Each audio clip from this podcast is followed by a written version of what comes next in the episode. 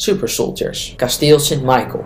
Na de verovering baalden Steve en zijn kameraden, de Super Soldier Commando's, de Austrian Resistance en de eerste Supersoldatendivisie, dat ze Jägerhorst en zijn groep psychopaten niet te pakken hadden gekregen.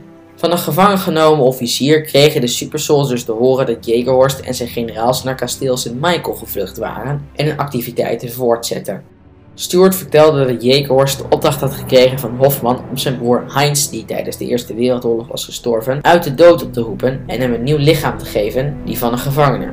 Omdat Hofman wraak op de dood van zijn broer wilde en Stuart degene was die Heinz had gedood, was Stuart die gevangene.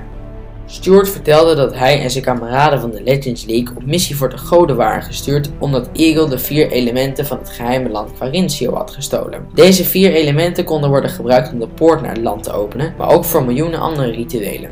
Het scheen dat Eagle de artefacten wilde gebruiken om het ritueel uit te voeren om Heinz uit de dood te halen. Inmiddels was niet lang geleden de invasie in Normandië op 6 juni 1944 in Frankrijk. De supersoldaten gingen naar het Spider hoofdkwartier in Normandië. Daar werden de Austrian Resistance officieel bij de SAS-F toegevoegd als supersoldaten. SAS-F-leider Stanley Howard de supersoldaten toestemming naar St. Michael te gaan om daar Jägerhorst en zijn SGK uit te schakelen. Omdat nog niet heel Frankrijk bevrijd was, werden de supersoldaten gedropt met een vliegtuig vlak boven St. Michael. Het lukte slot St. Michael te veroveren, maar Jägerhorst wist te ontsnappen en had Steve Williams gevangen genomen. Jägerhorst was naar Eagles hoofdkwartier gevlucht, kasteel Arc le Albes op de Oostenrijkse grens met Frankrijk. Williams' kameraad Robert Carter stond erop Williams terug te halen, maar Howard wilde per se dat de andere Eagle-basissen eerst veroverd moesten worden.